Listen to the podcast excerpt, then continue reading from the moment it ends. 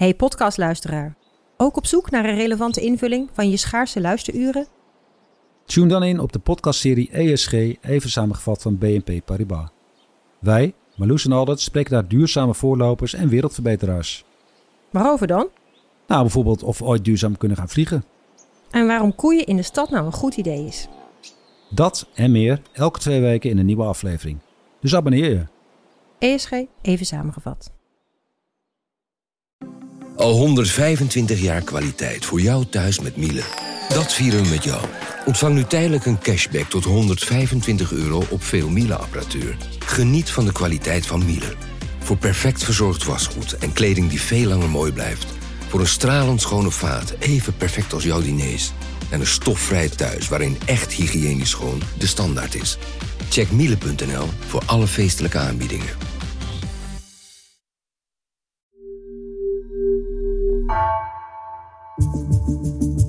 Vanaf de redactie van NRC het verhaal van vandaag. Mijn naam is Floor Boon.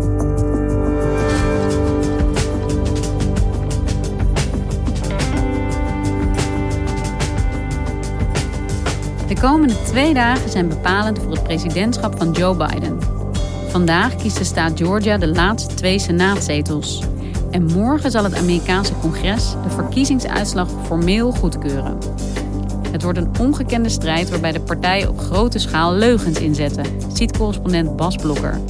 Zowel voor de senaatzetels als de beeldvorming.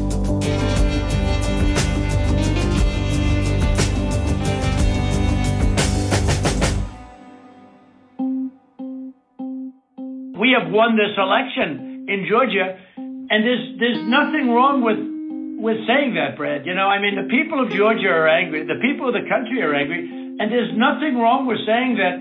You know, uh, that you've recalculated. Op zondag lekt via de Washington Post dit telefoongesprek uit. We horen hier president Trump aan de telefoon met twee mannen die uh, verantwoordelijk zijn voor het verloop van de verkiezingen in Georgia op 3 november. En hij stelt de brutale en simpele vraag: kun je ervoor zorgen dat ik vanuit Georgia nog zoveel stemmen krijg dat ik alsnog president van de Verenigde Staten word? I just want to find 11,780 votes, which is one more than we have. We horen aan de andere kant deze gekozen, maar toch vrij ambtelijke nobody. Want twee maanden geleden had nog nooit iemand van Brad Ravensburger gehoord. Uh, die horen we zeggen: U zit ernaast, meneer de president, uw gegevens zijn gewoon fout. Well, Mr. President, the challenge that you have is the data you have is wrong. We have to stand by our numbers. We believe our numbers are right.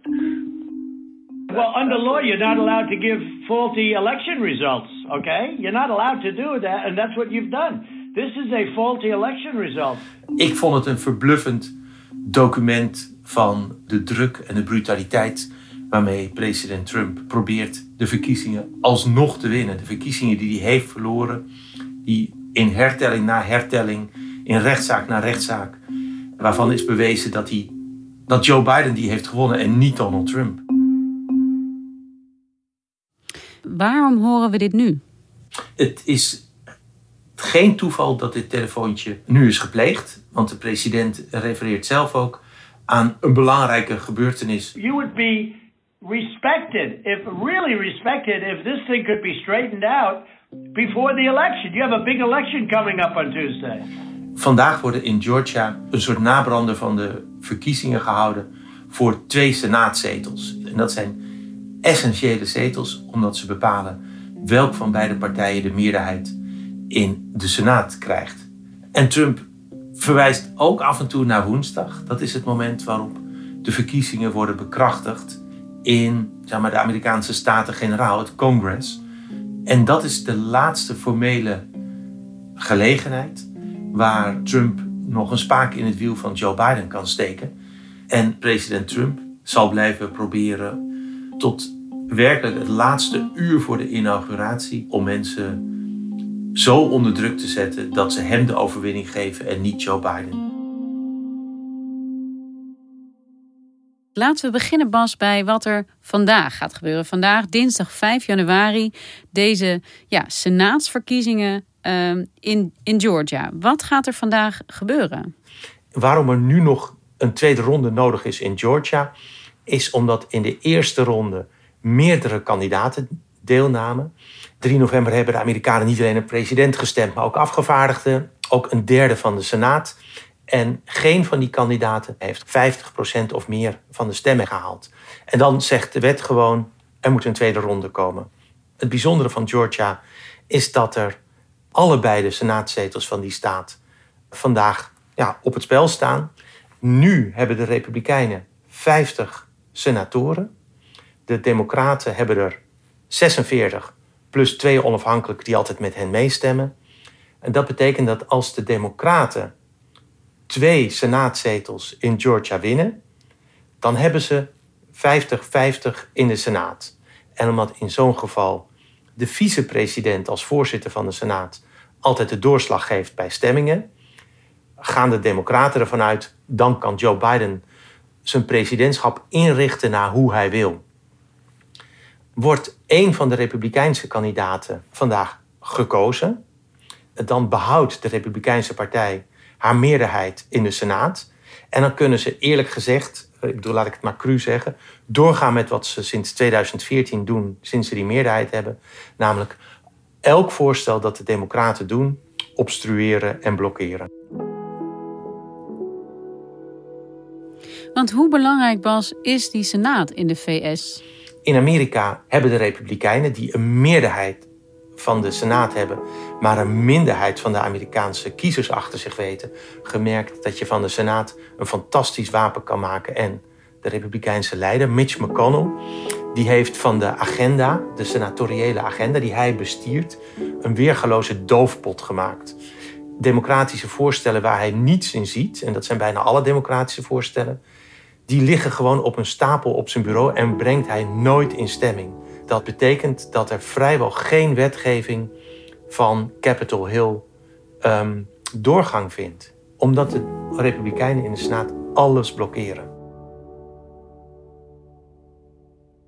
Kun je iets meer vertellen over welke kandidaten het hier over gaat? Ja, aan de democratische kant heb je twee mannelijke kandidaten. John Ossoff en Raphael Warnock. Dat is een hele flamboyante predikant. If black lives matter, then we must do all we can to fight for our lives. Fight this virus. Hij heeft een verleden als zeer linkse predikant die zijn kansel echt gebruikte als, als politiek spreekgestoelte. En die altijd een grote zaak heeft gemaakt van rassenongelijkheid in de Verenigde Staten. You don't have to be shot down by a police officer for racism to kill you. If you don't have access to health care, that'll kill you also. Dus dat is echt een activist in de kerk. En aan de Republikeinse kant heb je David Perdue, die is al wat langer senator. En Kelly Loeffler. En zij is nog maar kort in de Senaat, omdat de vorige senator zichzelf terugtrok volgens mij wegens gezondheidsredenen. Toen mocht de gouverneur een nieuwe senator aanwijzen, een republikein. Hij heeft Kelly Loeffler aangewezen. En vanaf dat podium voert ze nu campagne.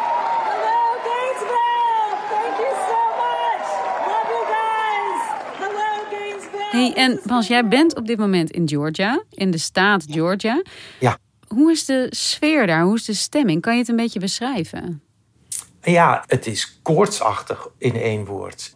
Ik, ik ben met de auto gegaan vanuit Washington, waar ik woon. En ik ben Georgia ingereden, Atlanta ingereden. Nou, echt overal de grote invalswegen staan enorme reclameborden van ga stemmen. Dat punt één. Heel veel borden gewoon ga stemmen. En het viel me op dat heel veel mensen er ook over spreken. Dus dit is een, een staat die politiek, uh, ja, hoe moet je zeggen, helemaal bij is. Het is. Ze voelen zich ook het oog van de politieke storm van deze tijd. We are the firewall to stopping socialism. So I have a very important question for you. Are you ready to show America that Georgia is a red state? Georgia is vanouds een rode staat. Uh, altijd conservatief geweest. Bill Clinton is in 1992 de laatste democratische presidentskandidaat die Georgia veroverde. Waarom is dat? Um, het is waarschijnlijk omdat Georgia een heel groot platteland heeft. En het platteland, dat zie je nu ook overal in andere staten, is conservatiever dan de grote steden. En in Georgia heb je eigenlijk één grote stad, Atlanta. En er is de afgelopen decennium mag je wel zeggen, heeft er een fascinerende verschuiving plaatsgevonden die bepalend is geweest voor de uitslag van de verkiezingen van dit jaar, dit afgelopen jaar. Namelijk, Atlanta is zo dominant geworden, de metropool Atlanta, binnen de staat Georgia, dat Joe Biden kon winnen dankzij die stemmen. Dus het, zijn, het is eigenlijk de klassieke tegenstelling stad, platteland, conservatisme versus progressiviteit. Om het even heel erg zwart-wit te zeggen. Nee, maar dat is, zo zwart-wit is het ook in de Verenigde Staten. Het platteland is het domein van Donald Trump. Het, en dan met name het witte platteland. Want dat is in Georgia een heel bijzondere factor. En daarom zijn deze verkiezingen ook zo spectaculair geëindigd in 2020. Georgia heeft een grote zwarte bevolking. En die ging doorgaans of niet stemmen, of werd door republikeinse machthebbers ontmoedigd om te stemmen. En soms met fysieke maatregelen, het opheffen van stembureaus in zwarte districten, of het uh, lastig maken van het registreren voor zwarte kiezers. Dit jaar is er een ongekende campagne geweest van de Democraten om zwarte kiezers, Afrikaanse-Amerikaanse kiezers te registreren. En die is succesvol geweest en die heeft Joe Biden ja, over de drempel getild die, uh, die heel veel van zijn voorgangers niet over konden. Dat klinkt eigenlijk ook wel weer heel interessant en heel goed dat er dus zoveel kiezers zo uh, ja, zich bewust zijn, gaan stemmen. Dat klinkt mij heel positief, met de democratische waarden heel positief in de oren. Absoluut. Het is echt een feest voor de democratie. Um, er is ook een keerzijde, daar kunnen we het zo over hebben. Maar de aantallen zijn bemoedigend. Wat is die keerzijde? Nou, de keerzijde is dat ik, ik en wat ik zei, ik reed Atlanta binnen. Het eerste grote bord dat mij in het oog viel, was een, een leugen. Daar stond namelijk op dat Loeffler en Perdue, dat zijn de twee Republikeinse senaatskandidaten, Loeffler en Perdue hebben niet hun best gedaan voor president Trump. Doe dus ook niet jouw best voor hen. Dat stond erop. Nou, Loeffler en Perdue zijn de twee trouwste vazallen van president Trump. Dus dit was gewoon een complete leugen. Dit was een desinformatiecampagne om republikeinen het stemmen te, te ontmoedigen. Je zegt de keerzijde, dit was één bord. Zag je dat op meer plekken, dit soort desinformatie? Nou, wat, je, wat je goed moet begrijpen, omdat dit de laatste uh, senaatsrace is... en omdat het een beslissende race is op zoveel verschillende fronten... Um, is dit de, de rijkste campagne ooit. Georgia voters could be the targets of a billion dollars worth of political advertising by the time votes are counted in the U.S. Senate runoffs. The total would be easily the most money ever spent on U.S. Senate races. De laatste stand was 450 miljoen dollar aan campagnegeld in deze ene staat, in deze twee races binnen deze ene staat gestort. Voor deze twee zetels. Ja, dat komt van over heel Amerika. En van dat geld worden spotjes. Ik, als ik nu de tv aanzet hier, dan is de kans groot dat er een spotje loopt van één van die vier kandidaten. En in die spotjes zijn ze vooral bezig te liegen over de andere kandidaten. He's anti-Israel, anti-Second Amendment, sympathizes with Marxists and socialists, and wants to make your neighborhoods less safe. Raphael Warnock is too extreme for Georgia. Maar hoor je een stem vertellen van Raphael Warnock is een radicale extremist. Hij heeft geweigerd afstand te nemen van het marxisme. And he's stuck on this socialist agenda that would defund the police. That kind of radical talk is a cancer that would destroy our community. Hij zal de financiering van de politie weghalen. Hij zal jouw ziektekostenverzekering afpakken. Dat is niet waar, maar er verandert wel iets in de ziektekostenverzekering. Dus het is gewoon het, het met 25% bijstellen van wat je tegenstander doet. En dan heb je hem gekarakteriseerd. Het zijn echt spotjes die precies zeg maar, binnen de grenzen van wat een echte leugen is of niet, uh, toch onwaarheden vertellen. Warnock sided with terrorists who hate America and would destroy Israel. Only you can stop the radical left from total control. If you vote, we will win. If you don't, we will lose America. This Tuesday, everything is on the line. En die leugens, Bas, waarover je nu vertelt en die zo dominant zijn in deze senaatsverkiezingen, die spelen dus ook een belangrijke rol bij dat moment morgen op 6 januari, als het Amerikaanse congres de verkiezingsuitslag formeel moet goedkeuren, zoals je aan het begin zei. Alles wijst erop dat morgen een spektakelstuk wordt dat ook heel veel consequenties zal hebben voor Bidens presidentschap, namelijk voor de legitimiteit ervan. Die wordt in die vergadering door ongeveer een kwart van alle Republikeinse afgevaardigden in twijfel getrokken. Een kwart van de mensen die daar zitten, die zeggen wij geloven dit niet. Ja, die zeggen het kon wel eens allemaal gefraudeerd zijn. Het feit dat jij hier zit, Joe Biden, en straks president hoopt te worden. Wij geloven niet dat dat eerlijk is gebeurd. Of in elk geval zijn er zoveel mensen die geloven dat het oneerlijk is geweest.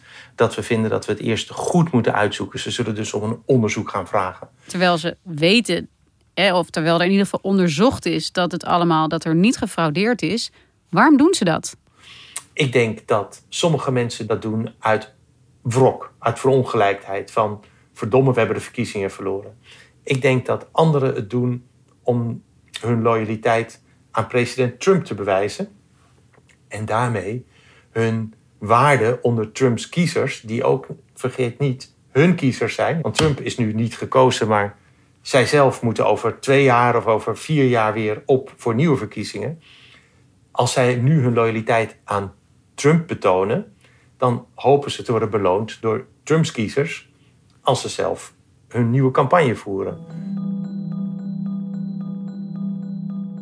En wat gaat uiteindelijk het effect zijn voor het presidentschap van Biden? Het is een smet op zijn presidentschap. Eh, eh, het is zeg maar een motie van wantrouwen van een die het niet haalt, maar die wel door heel veel partijen van de oppositie wordt uh, gesteund. Tuurlijk, je gaat verder. Hij heeft formeel de macht. Hij heeft ook feitelijk de macht, Joe Biden. Maar onder een flink aantal kiezers van de Verenigde Staten zal dat gevoel blijven rondspoken van deze man zit daar onterecht. En daarom de Republikeinse afgevaardigden gaan dat morgen ook slim doen. Ze gaan niet zeggen Trump heeft de verkiezingen gewonnen, dus geef ons dat presidentschap terug. Ze gaan zeggen er zijn zoveel geluiden over fraude. Laten we het nou eens tien dagen lang uitzoeken. We hebben nog twee weken tot aan de beëdiging van president Biden. En dan kijken we of er sprake is van fraude. Nou, dit is dus bedoeld om nog een keer te zeggen: hij is geen legitieme president. Dus zo mondt eigenlijk een formaliteit, iets wat doorgaans alleen maar ja, het samenkomen is uh, een, een, formeel proces, mondt uit in een keihard politiek moddergevecht om op het allerlaatste moment nog, nog eens te proberen om de tegenstander te besmeuren. Ja, daar mondt het op uit. Over uh, twee weken, 20 januari, uh, wordt Biden uh, geïnaugureerd. Gaat dat wel gebeuren, Bas? Ja, ik denk het wel. Ik kan me niet voorstellen dat het niet gebeurt. Maar wat wel zou kunnen. Kijk, voor morgen heeft Trump al zijn kiezers opgeroepen om naar Washington te komen in een protestmars. Als dat meer dan een paar duizend mensen zijn, dan ziet het er al gauw uit als een indrukwekkend protest. Het wordt wild, uh, twitterde die zelf, dus uh, nou, we zullen afwachten. Maar dat, is eigenlijk de bezegeling van die twee, ja, twee dwaze dagen, zullen we maar zeggen, in de Amerikaanse politiek. Georgia, dat er misschien minder spannend uitziet, omdat het gewone verkiezingen zijn maar waarvan de uitslag inhoudelijk enorm veel invloed zal hebben op het hele presidentschap van Joe Biden. En morgen in Washington, waar het weliswaar ketelmuziek is, dus het, het inhoudelijk stelt dat minder voor. Maar in de, in de beeldvorming, uh, de televisiebeelden van deze president is omstreden, zowel onder die keurige afgevaardigden als onder het volk dat daar buiten staat. Zo wordt het natuurlijk gepresenteerd uh, door Trump en in rechtse media. Dat zal Biden in de optiek heel veel schade toebrengen. En daarvan kunnen we niet voorspellen hoe lang dat blijft. Dus deze twee dagen, zou je kunnen zeggen, zullen bepalend zijn voor het presidentschap van Joe Biden dat eigenlijk op 20 januari aanvangt. Ja, dit zijn twee beslissende dagen voor misschien wel het hele presidentschap van Joe Biden.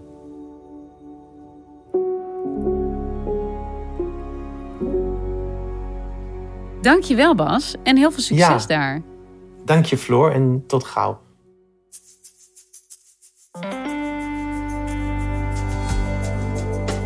Je luisterde naar vandaag, een podcast van NRC. Eén verhaal, elke dag. Deze aflevering werd gemaakt door Tessa Kolen en Jan-Paul de Bond. Chef van de audioredactie is Anne Moraal. Dit was vandaag. Morgen weer.